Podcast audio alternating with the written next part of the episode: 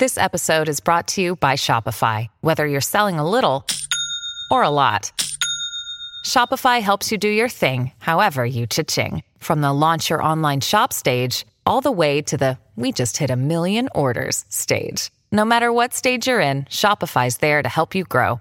Sign up for a $1 per month trial period at shopify.com slash special offer, all lowercase.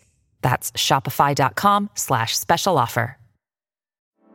De overgang. 85% van de vrouwen tussen 45 en 60 jaar ervaart overgangsklachten.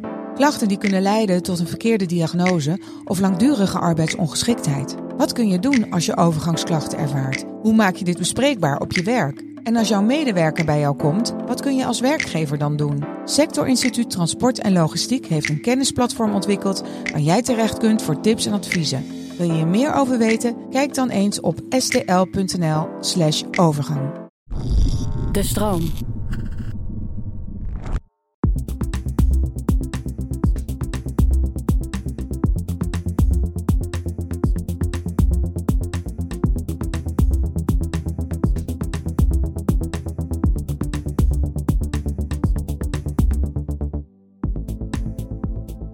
Fijn dat je luistert naar de Podcast Psycholoog.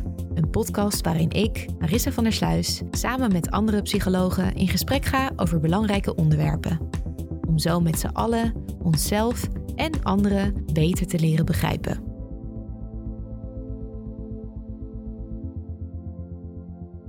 Samen met Tosca Gort ga ik het in deze aflevering hebben over het onderwerp werkgeluk. Tosca Gort is arbeids- en organisatiepsycholoog, oprichter van Gort Coaching, het grootste zelfstandige coachingsbureau van Nederland, en een veelgevraagd expert op het gebied van arbeidspsychologie. Tosca, welkom in de studio. Dankjewel. We gaan het natuurlijk hebben over uh, werkgeluk. En dan wil ik natuurlijk van jou weten wat jou gelukkig maakt op het gebied van werk. Ja, nou hier denk ik natuurlijk heel veel over na, dat begrijp je. Ik ben hier oprecht echt, nou ja, ik werk nu 15 jaar. Dus um, uh, ik ben afgestudeerd in uh, 2009 in de financiële crisis. En ik ben eigenlijk sindsdien al bezig met werkgeluk natuurlijk voor mezelf. Uh, hoe creëer ik voor mijn personeel op kantoor een fijne plek? Maar het komt er bij mij heel erg op neer dat de vrijheid super belangrijk is. Dat is eigenlijk, merk ik, de rode draad. Um, ik ben zo'n zelfstarter. Dus ik moet zelf mijn dag kunnen indelen. Ik moet zelf mijn creativiteit kunnen bepalen. Ik moet niet te veel eentonigheid hebben, dat soort dingen. En dat lukt natuurlijk goed als uh, ondernemer, lijkt me. Precies, dat is ook de perfecte carrière voor mij gebleken. Um, waar ik ook echt. Ik heb natuurlijk, ja, ik zie ook wel carrières van vrienden om me heen. Of uh, mensen die andere paden hebben gekozen in het leven. En ik merk toch wel dat ondernemerschap heel veel kan bieden. Echt heel veel kan bieden voor de mensen die zelf hun eigen leven willen inrichten. Ook ambitieus zijn. Uh, hoge doelen willen halen, maar niet volgens de regels van de anderen of de regels van de Zuidas. Um, aanrader. Ja, ja. En jij, ben jij er al uit voor jezelf? Wat wat de perfect uh, werkgeluk? Ik heb ontdekt dat wat me het meest gelukkig maakt, is iets betekenisvols doen. En dat deed ik natuurlijk al in de rol van psycholoog.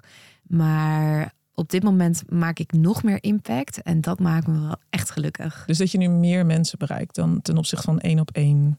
Ja, dat. En um, dat ik echt mijn koers kan uitzetten. Dus dat heeft ook wat te maken met vrijheid en autonomie. Um, en ik weet ook heel goed wat ik niet wil. Dus zodra ik in een werksituatie zit waarin ik word gemicromanaged. Ja. ja ik, ik verschrompel gewoon. Ik, ik, ja. ik, als er iets is waar, waar ik niet tegen kan, dan is het iemand die precies bepaalt uh, hoe ik iets moet doen. Ja. Geef mij maar gewoon een doel en zeg mij waarom ik iets moet doen.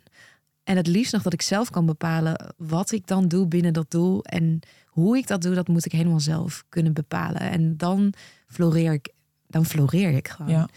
Um, nou, en niet alleen jij, de meeste mensen en de meeste hoger opgeleiden. Daarom vind ik het altijd nog bijzonder als hoger opgeleiden met die van die verhalen bij ons komen. Of zoals jouw verhaal nu, dat ze echt gemicromanaged worden. Dan denk ik, ja, dan heb je fantastisch opgeleide, ontzettend ambitieuze mensen. Geef ze gewoon een doel, laat ze een beetje vrij. Het Ja. komt allemaal goed. En toch nog niet. We zijn er gewoon nog niet als maatschappij dat we dat goed hebben ingericht. nee, dus daar, daar is nog steeds meer kennis voor nodig, dus blijkbaar. Absoluut. Um, en iets anders wat voor mij heel belangrijk is, is geïnspireerd kunnen zijn, kunnen raken. Dat kan door mensen om me heen zijn, maar ook door artikelen, door creatieve processen. Uh, dan, is, dan zit er een soort vlammetje in me dat ik ja, dingen kan creëren. En daar word ik heel gelukkig van. En dan presteer ik ook op de top van mijn kunnen. Uh, en het liefst op het randje te, tussen net iets te moeilijk en ja, wat ik al kan. Mooi. Dat is voor mij het ultieme ja, werkgeluk, zou ik zeggen. Fantastisch. En dat kan je denk ik wel vinden binnen de podcast, of niet? Zeker. ja, en, en, ook, al die mensen spreken, dat lijkt me ook echt fantastisch. Ja, ja. en binnen alle andere projecten ja. die er nog uh, aan zitten te komen. Dus uh, ja, op dit moment uh, zit, zit, ik je daar, goed in. Zit ik goed. zit ik in de flow.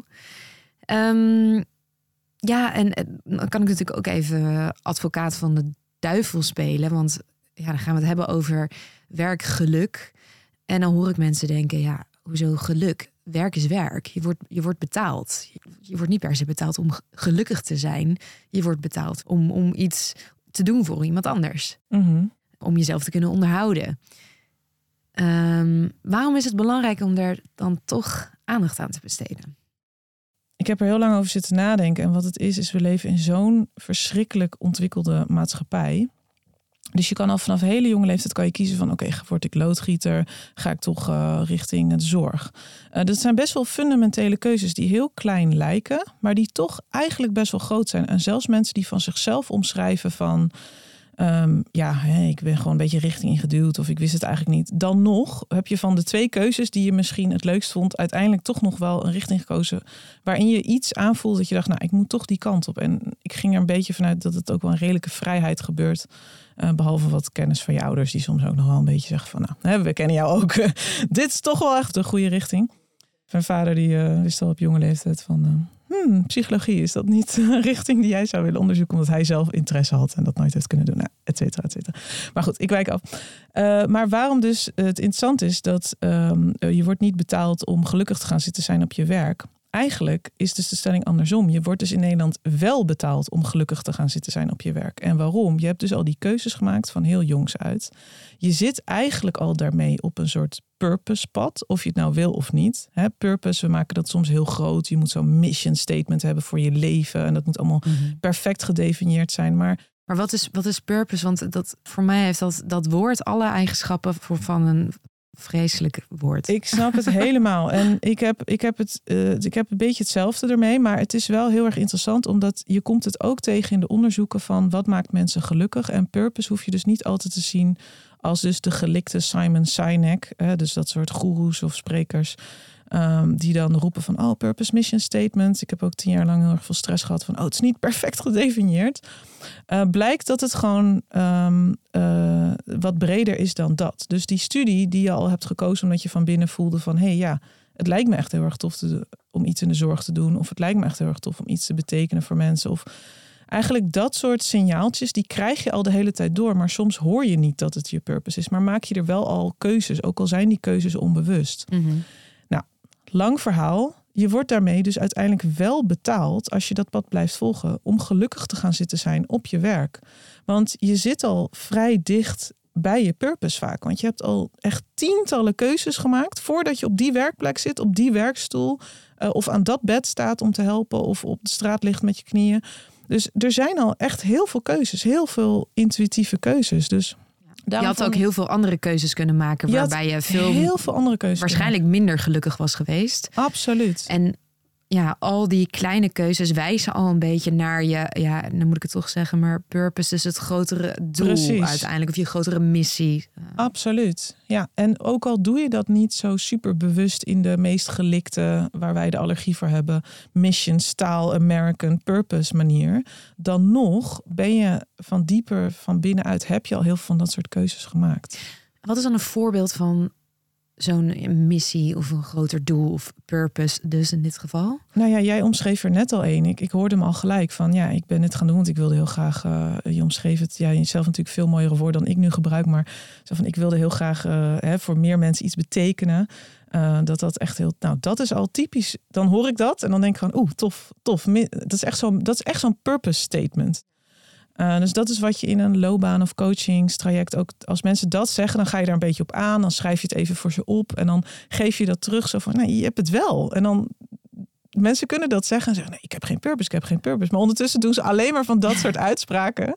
Die dus eigenlijk als per definitie heb je dan, hoor ik dan als, hè, uh, nou ja, we even expert dan.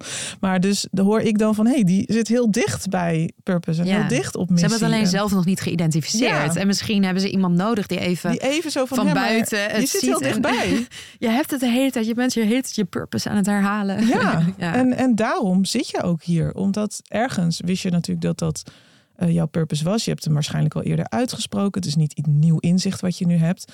Dus het is, weet je, dus daarom zit je nu hier. Ga je andere dingen doen die in lijn zijn hiervan. En daarmee wordt het steeds groter en groter. En vaak zie je het pas als je terugkijkt. Want als ik terugkijk, ja, misschien is het ook dat ik er dan betekenis aan geef, maar kan ik ook zien, alles heeft bijgedragen, elke keuze heeft bijgedragen tot het punt waar ik nu ben. Dus Absoluut. het uitstapje naar de journalistiek, uh, het onderwijs, uh, psychologie, alles draagt bij aan waar ik nu ben. En ik heb het allemaal nodig, mijn netwerk, Um, en toen wist ik dat nog niet. Toen dacht ik van, hè, waarom pas ik niet in één frame? Waarom pas ik niet in, het, in de mal?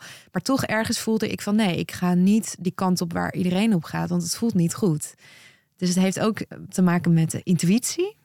Nou ja, en dit is echt het perfecte mooie verhaal en voorbeeld. Want hoe jij het hebt ervaren en hoe ik het dus ook vergelijkbaar heb ervaren. Namelijk, ik heb ook allemaal stapjes de hele tijd gedaan. Maar ik had niet die gelikte purpose, hè, want daar zat die allergie. Maar ja, dit geldt dus voor heel veel mensen. Je doet elke dag hopelijk kleine stapjes naar die purpose toe. En als je merkt dat je stilstaat, dan, hè, dan, hè, dan komt vaak ook een beetje. En depressie is natuurlijk iets te zwaar woord, maar dan komen een beetje die vervelende gevoelentjes naar boven. Je, uh, ik ben niet helemaal lekker bezig. En bij stilstand komen vaak die vervelende gevoelens naar boven. En op het moment dat je weer op het pad zit, ook al ben je niet bij het doel, maar je gaat naar het doel toe, dan gaat het alweer een beetje stromen. Dan heb je het gevoel van, ik kan er misschien nog niet perfect verwoorden wat purpose is en wat mijn mission statement is in het leven en waarom ik hier op aarde ben. Hè? Al die grote, supergrote dingen. Maar je bent wel elke dag eigenlijk stiekem stapjes daar naartoe aan het nemen. En zo, dit is eigenlijk het realistische pad zoals het voor heel veel mensen gaat. En dat is ook waarom ik bijvoorbeeld in loopbaancoaching in de praktijk, uh, toen mensen nog bij mij kwamen in de praktijk om echt loopbaancoach van ook wat wil ik en wat wil ik met mijn leven uh, ook heel vaak komen ze, komen ze binnen met: Oh ja, die advocatuur. Oh, echt verschrikkelijk. Oh, alles is verschrikkelijk. En dan ga je het helemaal ontleden.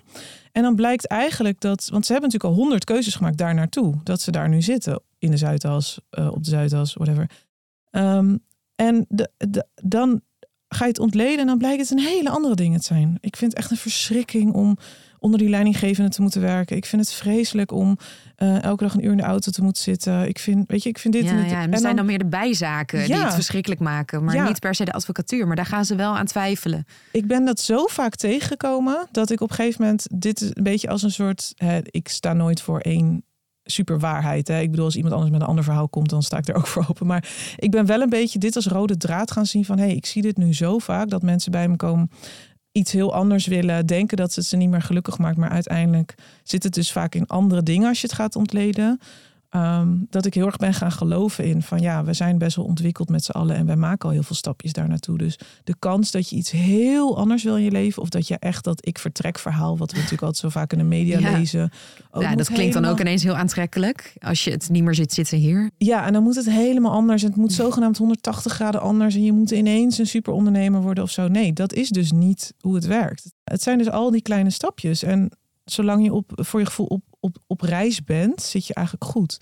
Um, en zolang als je ja, stilstand ervaart en dus een beetje die vervelende gevoelentjes. Um, en dat hoor ik bijvoorbeeld wel eens terug van, um, uh, van moeders hè, die ervoor kiezen, hoogopgeleide moeders die ervoor kiezen om uh, helemaal te gaan moederen. maar dat helemaal aan zichzelf natuurlijk verkopen en daar oké mee zijn. Maar toch die licht, licht depressief, en depressief nogmaals het zwaar woord, hè, maar gewoon die licht vervelende gevoelentjes dan krijgen. Eigenlijk hebben die gewoon te weinig uitdaging. Want ze zitten gewoon te weinig op hun missie. Ze zijn een deel van hun missie aan het vervullen met de zorg. Ja. Maar het is niet hun volledige missie. En dan ze zijn toch... nog meer dan dat. Ja. En dat, die kant ja. van jezelf kan je dan niet meer kwijt. Ja, en dat, is dat, dat merk je dat dat toch dan uh, ja, dat dat toch schuren. gaat schuren. Ja. ja, want het is dus echt wel belangrijk voor ons persoonlijk welzijn. Uh, het werkgeluk. Um, omdat we, als we het niet hebben, kunnen we daar dus ja, een beetje itchy van worden, ongelukkig. Nog meer redenen waarom het belangrijk is? Ja, werkgeluk is echt is, is, is ook weer even als we uitzoomen. Ga ik hem even wat groter nemen. Eigenlijk kan werkgeluk niet zonder levensgeluk. Dus het is, het is het, ook in onderzoeken zie je dat het zoveel overlapping heeft. Ehm, even kijken wat leuk is om als eerste te vertellen. Ja, dus de, wat ik ook echt. Hier zie ik ook heel veel praktijkvoorbeelden van. Want dan komen mensen binnen met burn-out of stressklachten. En dan, hè, dan is de werk heel vaak de boosdoener. In de media ook, oh werk, slecht. Uh, werk, raak je gestrest van, werk dit. Ehm, het is heel vaak dat leven eromheen. Wat tot probleem leidt. En dan sommige mensen komen gewoon echt pech. Kan je echt niks aan doen. In een cascade van ellende. Mensen die overlijden. Nou, en dan, hè, dan zie je dat allemaal uh, dingen zich gaan stapelen. Meest vervelende dingen. En dan zie je eigenlijk ook dat, die, dat dat werk eigenlijk gaat leiden als laatste. Maar in de kern word je van werk echt heel gelukkig. Echt werk is het aller, een van de allerbelangrijkste factoren om je gelukkig te voelen. En geen werk maakt, hem ook, maakt het ook niet gelukkig. Nee, waar zit dat hem in? Dat we, dat we zo gelukkig worden of ja, zo voldaan gevoel krijgen van werk? Ja, het zit hem in drie dingen. Dat is één, um, om geluk te voelen. Laat het zo zeggen. We hebben het volgens, ik weet niet of het hierop laat vallen, maar autonomie.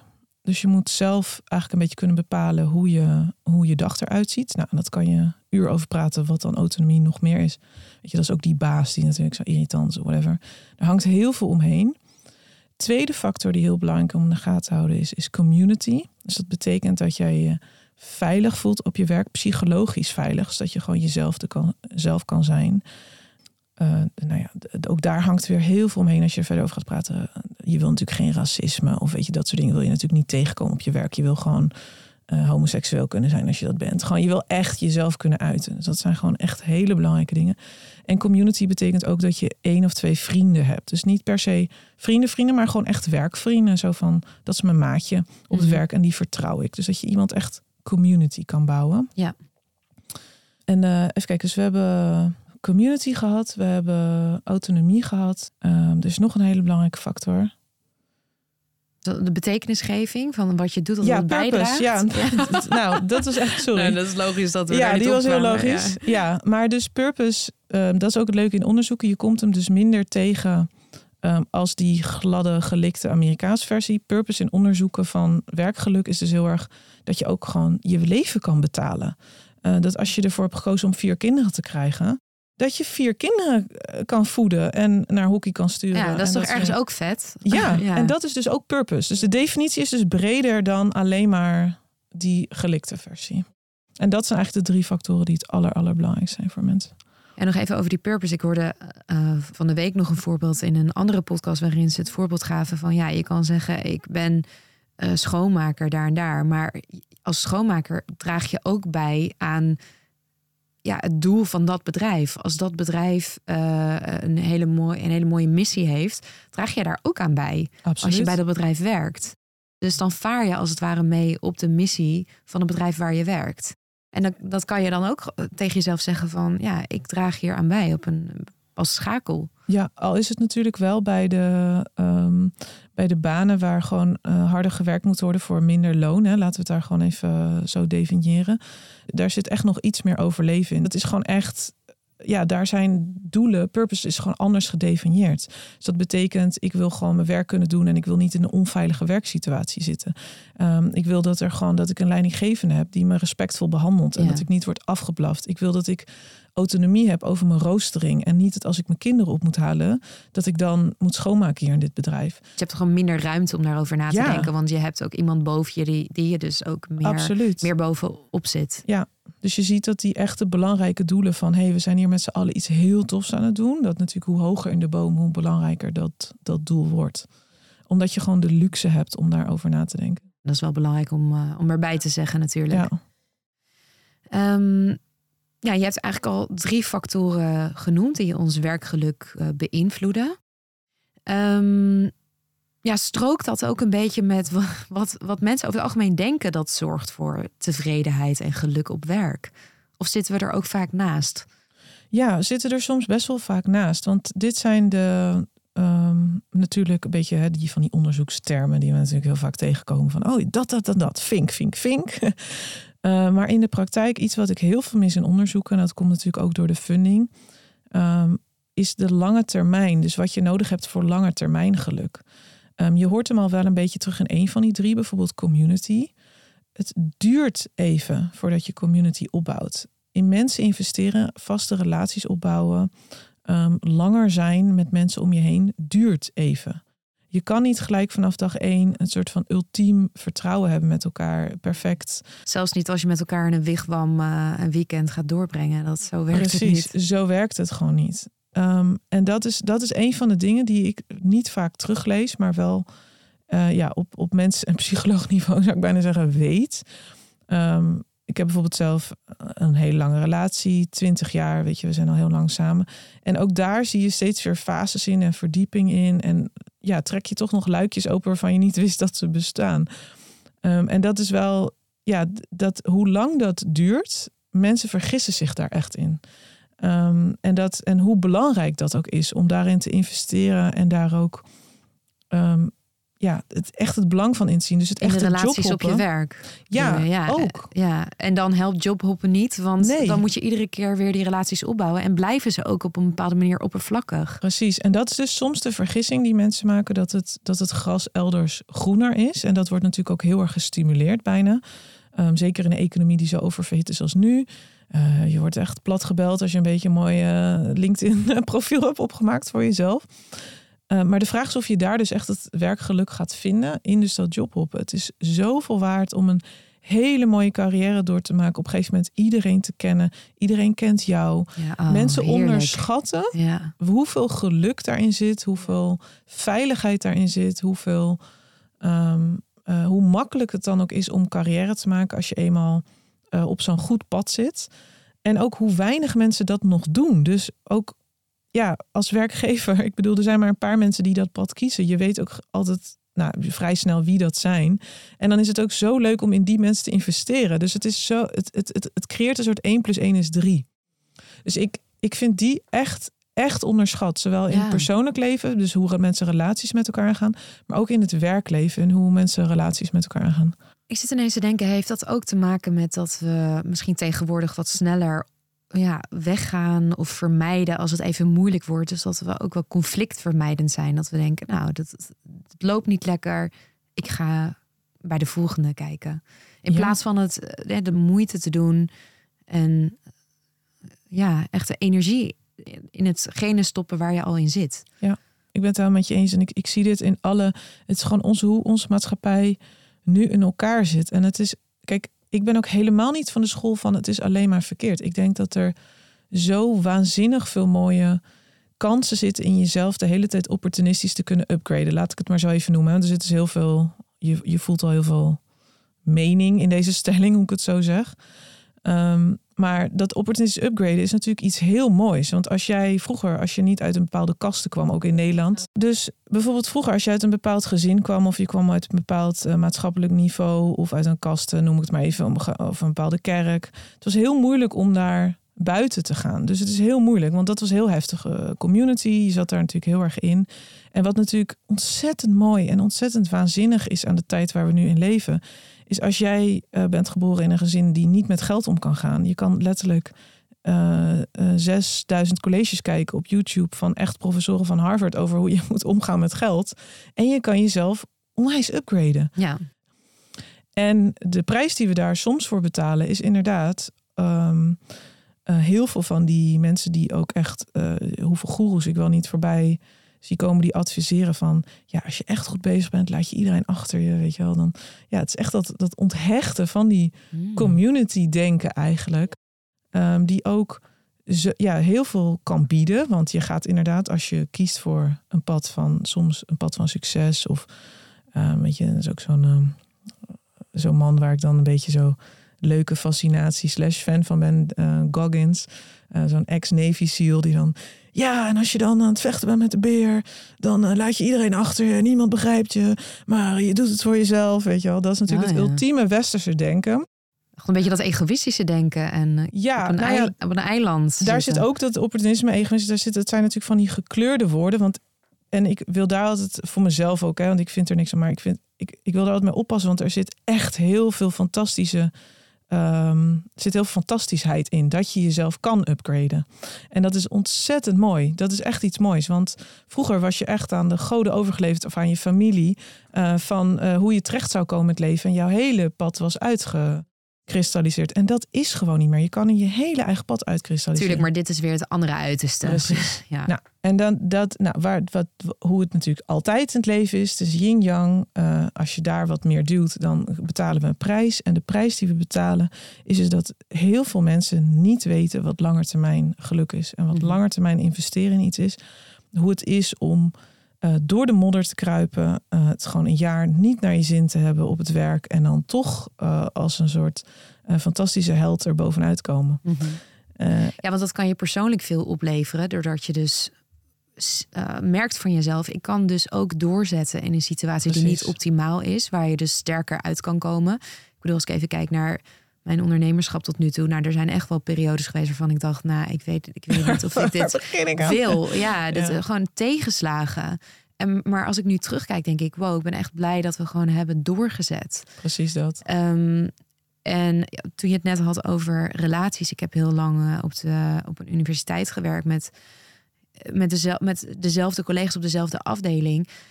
Pas toen ik daar wegging, besefte ik, wow, ik was helemaal ingebed Ja. eh, in die organisatie, op die afdeling. Het is heel fijn om mensen om je heen te hebben die jou kennen. Om heel veel relaties te hebben, om ergens te komen waar je je prettig voelt, waar je weet wat je aan het doen bent.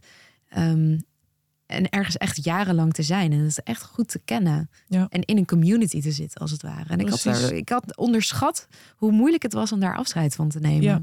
En het is ook eigenlijk heel mooi dat je dat zo vroeg in je carrière, laten we dat toch zo zeggen, dat je dat eigenlijk hebt gevonden, hebt opgezocht en hebt mogen ervaren.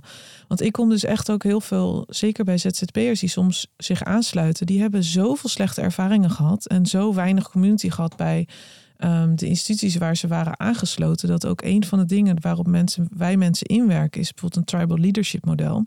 Waarin we echt uitleggen van community zit voor ons zo en zo in elkaar. En zo gaan we met elkaar om. Echt op gedragsniveau. Van zo gaan we met elkaar om. Wauw. Omdat het gewoon echt nodig is. Omdat dus mensen dat niet altijd hebben ervaren. En ook gewoon echt moeten leren van oké, je bent ZZP'er, maar je kan ons wel bellen. We zijn nu gewoon één. Dus we helpen elkaar. Wend er maar alvast aan, want wij gaan ook dingen van jou vragen. Jij gaat dingen van ons vragen en dat is oké.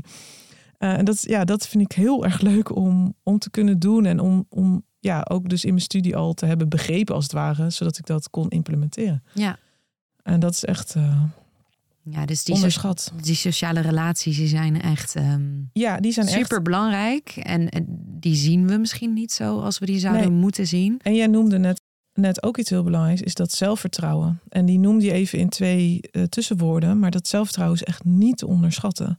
Ehm, in een tijd waar we zoveel opportunistische kansen zijn, waar je dus de hele tijd nieuwe dingen doet, duurt het eventjes voordat je weer zelfvertrouwen opbouwt. Dus je kan je, jezelf ook wel degelijk slopen met dat opportunistische pad. Want dan doe je zoveel toffe nieuwe dingen. Nou, je bent zo aan het shine en ondertussen ehm, krijg je um, imposter syndroom. Dan denk je van, ja, maar wie ben ik nou? Ja, Uh, omdat er gewoon, er is nog niet genoeg earned, ehm, uh, ja, earned, dat je echt iets hebt verdiend om het, om het echt te laten zien dat je daar al bent. ja, ja.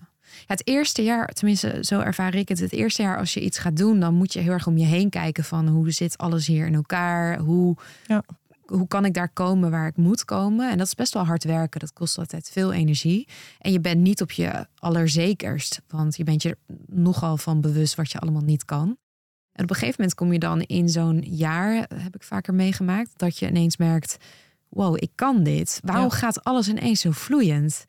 En dat is dan zo'n jaar waar je dan heel erg van de dingen geniet. Omdat je, heb, je weet dat je ze kan, want je hebt het al een keer gedaan. En Ja. ja, dingen gaan ineens vanzelf. Ja, en dan kom ik zelf altijd in een fase dat ik denk, dan wil ik alweer iets nieuws. Ja.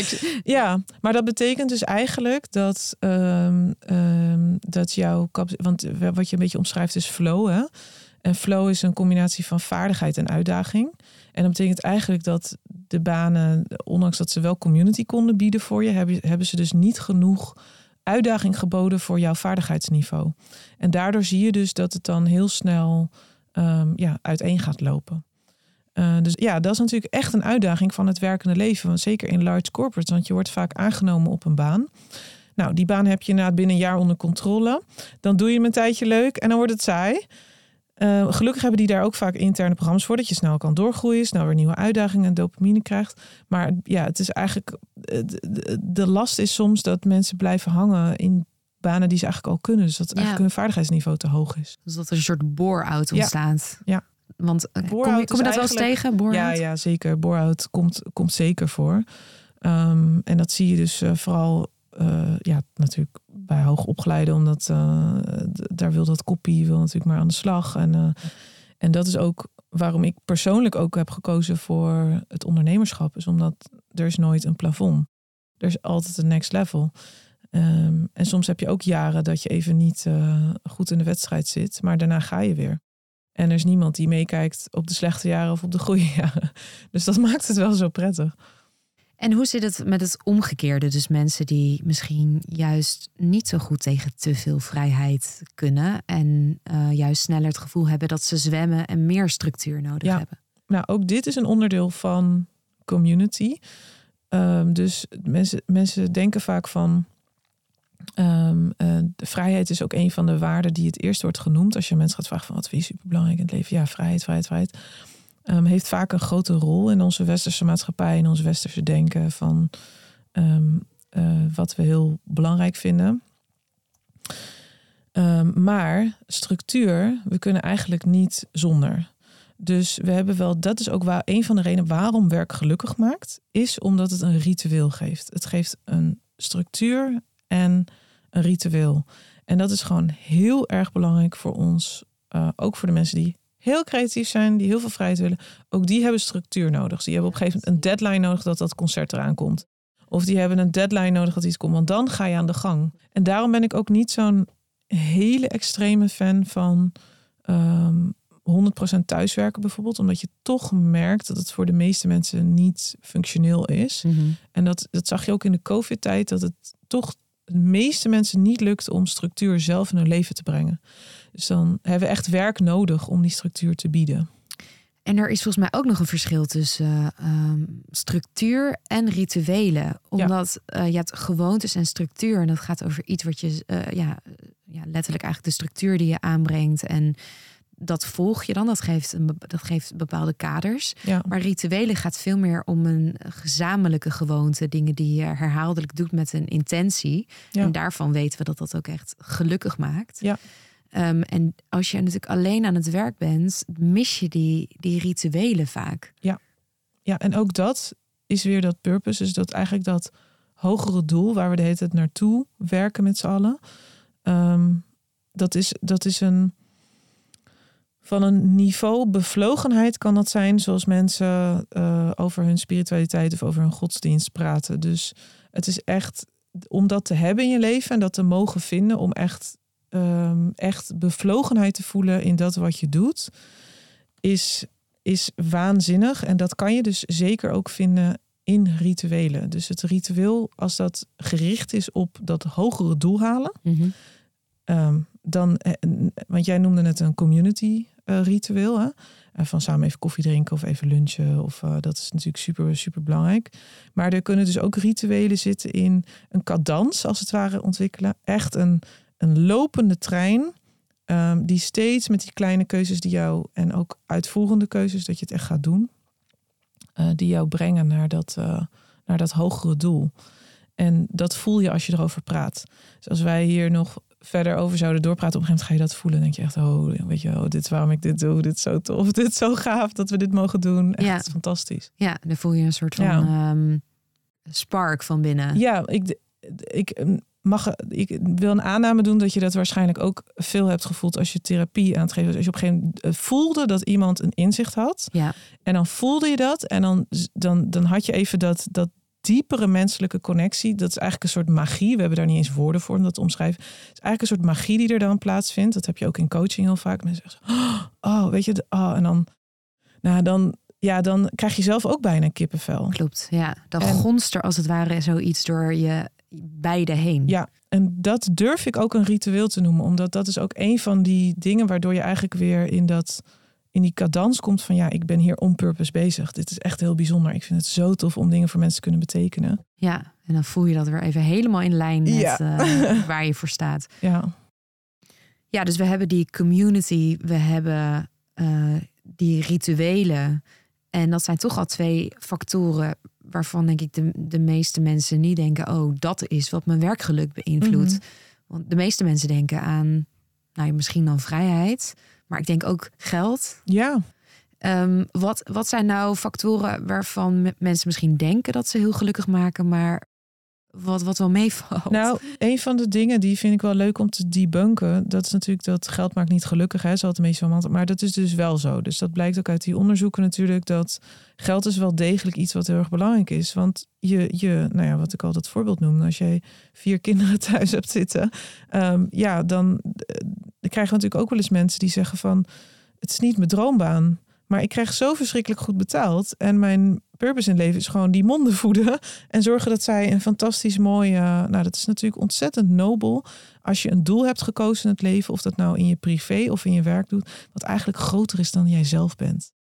Dus als we het, als we het nog even nog een laagje dieper pakken, oh, en we praten nu toch op dat niveau met purpose en, magie en denken, dan is eigenlijk een doel hebben wat iets groter is dan jij zelf bent.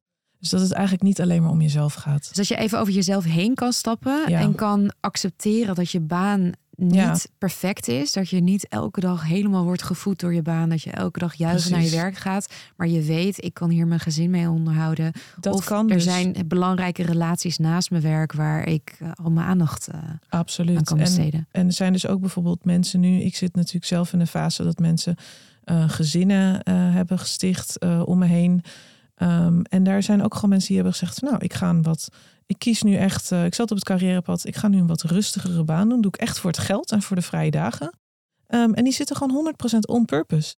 En dat is gewoon helemaal prima. Want die zijn er heerlijk voor dat kindje en dan lekker met de baby thuis. En nou, hoe mooi kan je het eh, creëren voor jezelf?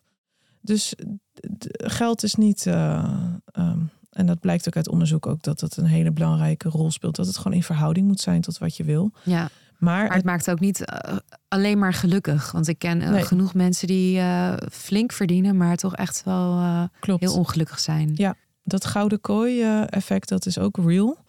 Ehm, en dat is natuurlijk altijd een beetje. Wat houdt het in? Nou, het gouden kooi, dat is, dat is echt. Je hebt eigenlijk een net iets te groot huis gekocht. Want je wilde net iets te leuke woning hebben. Je hebt een net iets te mooie leasebak onder je kont. Ehm, je hebt eigenlijk jezelf al een luxe toegeëigend die eigenlijk nog niet helemaal earned Mhm. was. Een Dus lifestyle. een eh, lifestyle die je nog eigenlijk niet nog kan niet- betalen. Ja, nou ja, je kan het wel betalen. Maar als jij in een andere branche zou werken, zou je dat niet kunnen betalen. Dus inderdaad, er zijn gewoon ehm, sectoren in Nederland. eh, eigenlijk zijn het alle vaak de sectoren die dicht bij het geld zitten.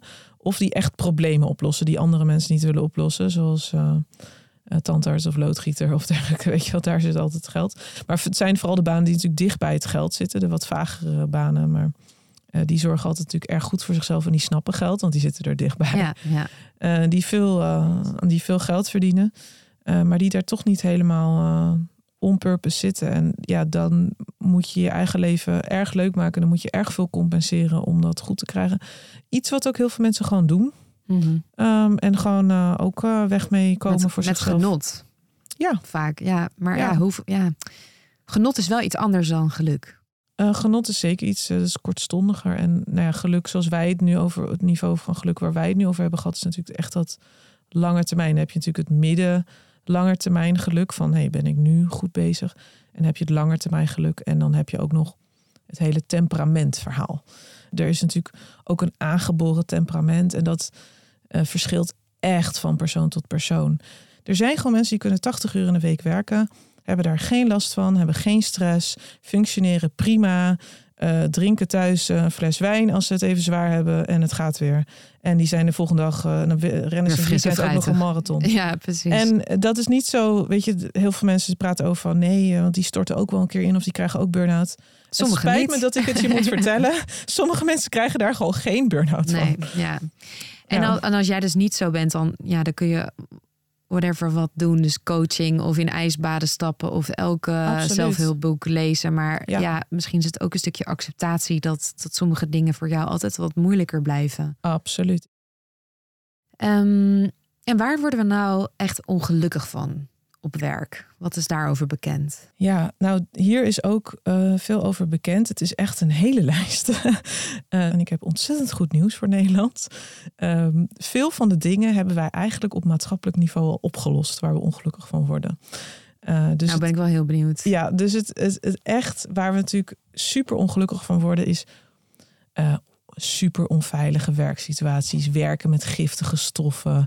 Echt, wij kunnen ons niet eens meer voorstellen in welke werkomstandigheden natuurlijk de rest van de wereld moet werken. Um, wij hebben natuurlijk heel erg gericht ons op onszelf. Dat is ook goed, want we moeten ook wat we hier hebben natuurlijk verbeteren. Daar zijn we ook.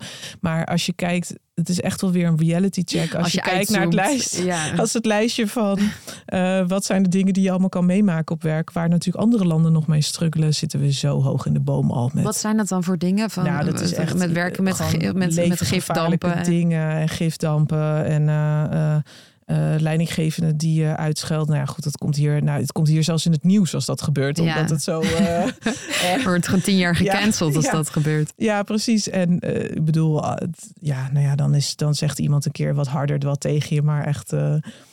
jarenlang vol uitgescholden worden en niet weg kunnen naar een andere baan, omdat je, omdat je gewoon letterlijk die monden moet voeden thuis. Dat, ja, de, we leven nu uh, in een tijd dat je gewoon naar een andere baan kan. Of dat ja. je denkt, nou, ik pik het niet. Het of, zal uh, nog wel voorkomen, tuurlijk, denk ik, ook in Nederland. Tuurlijk. Maar het is goed om even, even uit te zoomen en, en te zien van, oh, we hebben het eigenlijk best wel goed. We hebben het echt best wel goed in Nederland. En natuurlijk zijn er dingen waar we ongelukkig van worden, kunnen we gewoon opletten bij onszelf. Uh, maar dat zijn eigenlijk die drie geluksfactoren waar we het net over hebben gehad. Van zijn we on purpose? Hè, werken we toe naar dat doel? Ja. Hebben we de autonomie in ons werk? Nou, als we dat niet hebben, hè, dat is dus ook andersom. Oké, okay, maar laten we, we dat gelukkig. dan wel, wel heel even bespreken. Ja. Even in een, in een voorbeeld ja. van um, wat is nou zo'n typisch, typisch voorbeeld van iemand die dus helemaal niet in lijn zit met um, ja, bijdragen aan betekenis. Ja.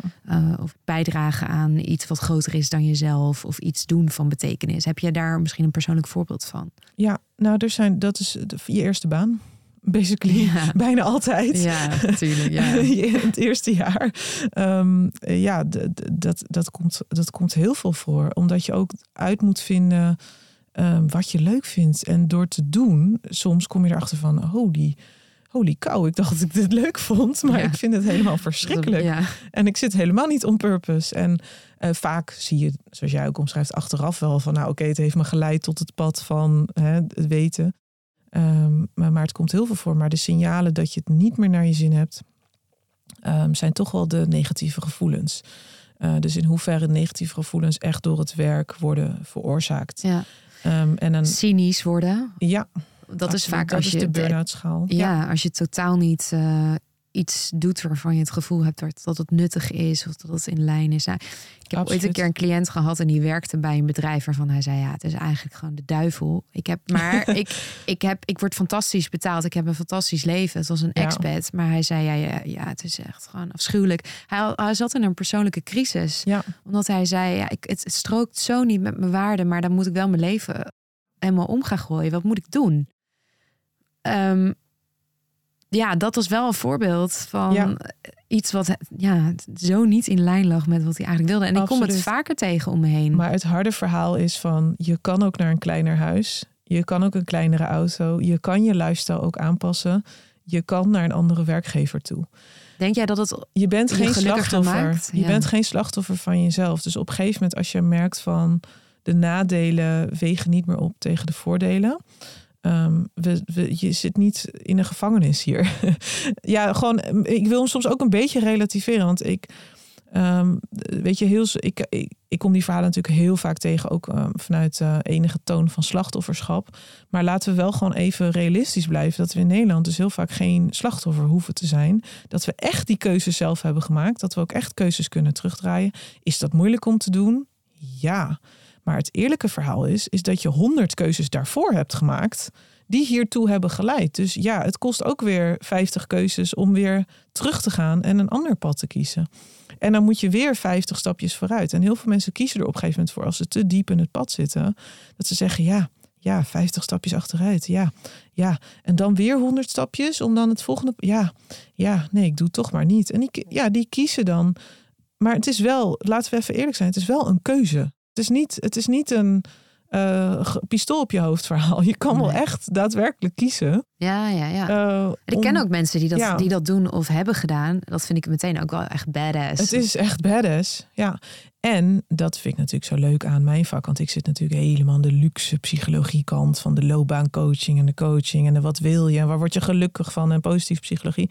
En ja, daarom vind ik het natuurlijk zo fantastisch om te zien dat die nieuwe generatie zo bezig is al daarmee met dat soort vragen te stellen. Omdat de kans dat je dan natuurlijk op het pad uh, zit en dat je dan in ieder geval honderd stapjes vooruit aan het nemen bent, is natuurlijk veel groter het risico van die generaties dat ze de hele tijd denken dat ze bij elk stapje gelukkig moeten zijn. Want dat is natuurlijk niet het verhaal. Nee, maar uh, je moet het gevoel hebben dat je goed bezig bent om in ieder geval het pad eh, te kiezen naar het juiste. Zeg maar. Dat je iets van een hoger doel voelt in je leven of iets van een doel wat groter is dan dat je zelf bent. Ja, we hadden het net ook al even over uh, autonomie die we graag ervaren in ons uh, werk. Um, ja, hoe, hoe, ongelukkig worden we als we dat dus niet hebben? Nou ja, daar, is dus een voorbeeld van. Um, wat je eigenlijk wil om in flow te komen, is dus vaardigheden en uitdaging op een optimaal niveau hebben. Dus je wil eigenlijk op hoog niveau vaardigheden hebben zelf. Hè? Dus vanuit je studie, vanuit de ervaring. Um, en je wil een hoog niveau van uitdaging hebben. Nou, en wil iedereen dat trouwens altijd? Ja, nee, niet. Maar als je het hebt over werkgeluk, is het ervaren van flow is wel echt een heel belangrijk onderdeel van werkgeluk. Um, daar is ook wel echt veel, uh, veel over geschreven waar ik ook wel echt in kan vinden. Want op een soort intuïtief niveau denk ik, ja, dit klopt wel echt. Als ik ook naar mijn eigen leven kijk en um, als ik in flow werk, dus ik, ik ben ergens heel erg goed in en ik doe het en denk echt, oh, het is zo fijn om dit te kunnen doen. Oh, het zo, weet je, dan zit je helemaal in een soort, ja. in, een, in die cadans zit je dan en dat is heerlijk om te mogen ervaren. Um, en autonomie is daar natuurlijk een beetje, kan daar dus, als dat niet goed geregeld is, de killer van zijn. Want wat betekent autonomie? Dan zit je dus in, de, in die flow en dan komt er dan binnen, zo ja, dat rapport moet nu. Ja, maar ik ben even, ik ben even iets aan het uitvinden. Ik heb even een analyse gedaan die zo gaaf is dat, dat het gewoon echt iets vernieuwends kan betekenen voor deze afdeling. Uh, maar nee, dan moet dus even dat rapport. Dus dan ga je weer als het ware in die uitvoer uh, stand. Ja, dus, iemand anders een flow moet je dan ineens. Precies. En daarom is die autonomie dus zo belangrijk. En kan het dus een killer zijn van die flow. En wil je dus ook als je daar um, behoefte hebt in enige... De, nou, laat ik gewoon eerlijk zijn. De meeste hoger opgeleiden hebben daar gewoon behoefte aan. Die willen gewoon enige mate van autonomie ervaren. Zelf keuzes kunnen maken. Um, niet uh, dat als je één over negen binnenkomt, dat dan een goede middag uh, wordt geroepen. Uh, je wil gewoon even, je wil gewoon een beetje kunnen leven en ademen. Ja, ja. En geen stress hebben van structuur die er bij jou is opgelegd. En heel veel mensen hebben dat nog steeds wel heel veel. Dus ja, autonomie is gewoon echt heel belangrijk. Dat heeft dus ook veel te maken met jezelf kennen. Weten wat je nodig hebt, wat voor persoon jij bent, hoe je werkt. En dat ook heel duidelijk te communiceren. Vooral als je begint met een nieuwe baan, zodat je ook de kans zo groot mogelijk maakt dat er ja, een fit is, dus een, dat het passend is. Dat wat jij verwacht, wat je graag wil. En het hoeft niet perfect te zijn, maar in ieder geval goed genoeg. Absoluut. En je krijgt bonuspunten als je dat niet eens vanuit de ik-communicatie weet te melden. Maar dat je het ook nog kan, kan verwoorden. En dit, is echt, dit zijn echt bonuspunten voor jezelf als je op dit niveau komt met solliciteren. Is als je het ook nog kan verwoorden in natuurlijk het grotere doel van het bedrijf. Want dat is natuurlijk wat ik als werkgever heel vaak zie. Dat mensen heel erg die ik-communicatie onder controle hebben. Nou, denk ik, top. Dat is stap één. Goed gedaan. Uh, goed geïnvesteerd in je persoonlijke ontwikkeling en in je loopbaancoaching. Uh, maar dat ze nog niet helemaal doorhebben dat ze inderdaad wel gewoon betaald krijgen om iets te doen. En dat wij hier met z'n allen bij elkaar zitten voor een hoger doel. Um, en dat je dus ook daar wel moet bij aansluiten. Want als jij als ikje, zeg maar, in het grotere geheel, dat dat ook niet helemaal nee, is. Dat je alleen maar een lijstje hebt van, ja. van wat de werkgever voor jou moet doen. Ik wil dat. Maar dat je ook laat zien ja. van op deze manier kan ik bijdragen aan de missie van dit bedrijf. Dat Absoluut. je niet vergeet om dat gedeelte ook even goed uit te uh, ja. En als je dat doorhebt, dat zijn de mensen die super snel meer verdienen. Die uh, super snel uh, meer sneller carrière maken. die het veel leuker hebben op hun werk. Waarom? Die, die hebben als het ware een soort diepere ego-ontwikkeling doorgemaakt. Dus je bent niet alleen maar met jezelf bezig. Je bent eigenlijk al op dat waar we het net over hadden, dat hogere doel ja. bezig. Je smelt als het ware samen met Je het bedrijf samen. en die missie. En dat Ja. voelt iedereen. Want dan Iedereen ben je vol enthousiasme ehm, aan het vertellen. Mensen worden enthousiast van jou, want het is heel aanstekelijk. Ik merk ook zelf in mijn... Ja, ik weet niet of jij dat ook merkt in je werkleven... maar ik merk precies wie er echt bevlogen is... of wie werkt volgens een missie. Ja. Ehm, dat, je, dat je echt diep van binnen voelt dat je iets moet doen. En iemand die maar gewoon denkt: ja, ik, ik, ik ga maar gewoon, ik doe maar wat. Maar ik, ik vind het een beetje saai. Of het, het ligt helemaal niet in lijn met wat ik echt wil. Ja. Ik, ik merk dat meteen. Iedereen merkt dat. En dat is, dat is, en soms heb je bedrijven vol mee. Dus dat is ook het probleem. Als je in een bedrijf werkt waar natuurlijk gewoon letterlijk de community is gebouwd op mensen die gewoon niet weten wat ze, ehm, wat ze willen of wat, wat ze hier eigenlijk zoeken, dan kan dat een soort nieuw normaal worden. Dus dan is het inderdaad heel prettig om af en toe weer even uitstapjes te maken van hé, hey, hoe zit het eigenlijk bij jou? En ehm, ik adviseer mensen ook echt af en toe om stage te gaan lopen bij vrienden of bij eh, bedrijven die je kent of bij ehm, eh, vrienden van je ouders die op positie zitten dat ze jou gewoon een weekje mogen laten Ja. meelopen. Het klinkt echt als een cray-cray verhaal Helemaal van serieus gebeurt Vet, dit ja. echt? Moet ik dit echt doen? Want erover praten en de tip geven is natuurlijk zoveel makkelijker dan het echt doen. Maar het is zo ontzettend gaaf om te doen. Het is zo leuk. Je krijgt zoveel andere dingen mee. Ja, je verbreedt je horizon. Ja, het is echt, het is echt heel erg leuk. En het, het, het maakt je keuzemoment later. Al dat soort investeringen, als je die durft te doen, dan zie je dat je weer veel sneller op, dit, op dat hogere doel terechtkomt. Veel sneller op je pad terechtkomt. Wat kunnen mensen nu doen om iets bij te dragen aan hun werkgeluk? En het maakt niet uit waar je zit. Al zit je al hoog, misschien zit je laag, misschien zit je gemiddeld. Nou ja, echt het, het bewust maken van ehm, eh, dus dat hoge doel. En ik weet zeker dat de mensen die natuurlijk dit aan het luisteren waren, zitten al gelijk bij zichzelf van, oh, eh, zit ik op het hoge doel? Hoe, hoe ver zit ik van mijn pad? Zit ik op mijn pad? Eh, waar ben ik eigenlijk? Wie ben Ja. ik? Weet je wel, gewoon, je gaat, Chaos, verwarring. Ja, chaos, verwarring. Oh jee, moet ik dan op mijn pad zitten? Stress, weet je wel. Ehm, nou ja, het, het allereerst geen stress. Als je al natuurlijk werkgeluk ervaart, dus dat betekent eigenlijk dat je meer positieve emoties dan negatieve emoties, dan zit je eigenlijk al goed. En wat, wa- wat zo ontzettend leuk is, is om hier op deze manier, zoals wij er nu over praten, ook zelf erover te gaan praten. Om eigenlijk op dat niveau het ge- gesprek aan te gaan met anderen. Ehm, om erachter te komen, ehm, als je luistert naar de verhalen van de mensen om je heen, naar collega's. eh, dit is ook de reden waarom mensen coachopleidingen zo ontzettend leuk vinden om te doen. Omdat ze dan gesprekstechnieken aanleren om eigenlijk die diepe relaties aan te gaan. Maar je kan natuurlijk zelf ook al daar een poging toe doen op de werkvloer. eh, om verbindingen eigenlijk te verdiepen. Want als je het helemaal, helemaal plat staat. En dat is ehm, volgens mij een Harvard-onderzoek van ehm, over geluk. Is dat verbinding van alle factoren. Dus we hebben er nu over drie gesproken. Maar als je het echt op levensniveau kijkt. Is dat verbinding toch altijd de factor is die het meeste geluk op de lange termijn. In alle facetten biedt. Dus als je zegt, ik zit al goed, ga kijken of je toch nog meer kan doen op verbinding. Want er is altijd meer te halen. Er is altijd meer te halen. En je kan verbindingen aangaan met mensen wie je het niet had verwacht. En dat, dat, maakt, dat maakt je mens. En dat maakt het bijzonder. En dat maakt het ehm, ehm, ja, speciaal. Als je, als je even die bril kan opzetten soms. Heb je een voorbeeld daarvan? Ja, Hoe kan je dat doen? Ja, nou ja, ehm, door ehm, allereerst het bewustzijn is natuurlijk het belangrijkste, maar om gewoon praatjes aan te gaan met mensen die je spannend vindt. Hè? Dus, eh, dus bijvoorbeeld het oordelen doen we natuurlijk allemaal snel en dat is ook evolutionair handig, want je moet altijd een beetje zo van waar zit het gevaar, wie gaat mij, wie gaat mij op deze werkvloer eh, ehm, Opeten. opeten. Ja, dat is natuurlijk allemaal oer, eh, oerinstinct wat we allemaal hebben. Ehm, Dus je zoekt iemand uit die je intimiderend vindt. ja, die je een beetje spannend vindt of waar, die je een beetje veroordeelt. Dat je denkt van, oh, dat zal wel een heel saai iemand zijn. Of, eh, eh, ja, ga eens kijken of je daar ook verbinding mee kan aangaan. En zeker als je ambitieus bent, dus je wil een hele grote leider worden. bij leider zijn en veel macht willen en aankunnen, hoort ook veel verantwoordelijkheid. Betekent ook dat je hoger doelt dan jezelf, zodat je voor veel mensen gaat zorgen in je leven. Dat betekent ook dat je met veel mensen verbinding moet kunnen leggen op, eh, op het niveau dat het voor jou ook prettig is. Dus het gaat niet over alleen maar geven. Het gaat echt over verbinding en verdieping kunnen aanbrengen in de relaties die je spannend vindt. Ehm, en dat, ja, dat, dat brengt heel veel mensen heel veel. Ja. We gaan we met deze woorden afsluiten. Dankjewel, Tosca. Graag gedaan.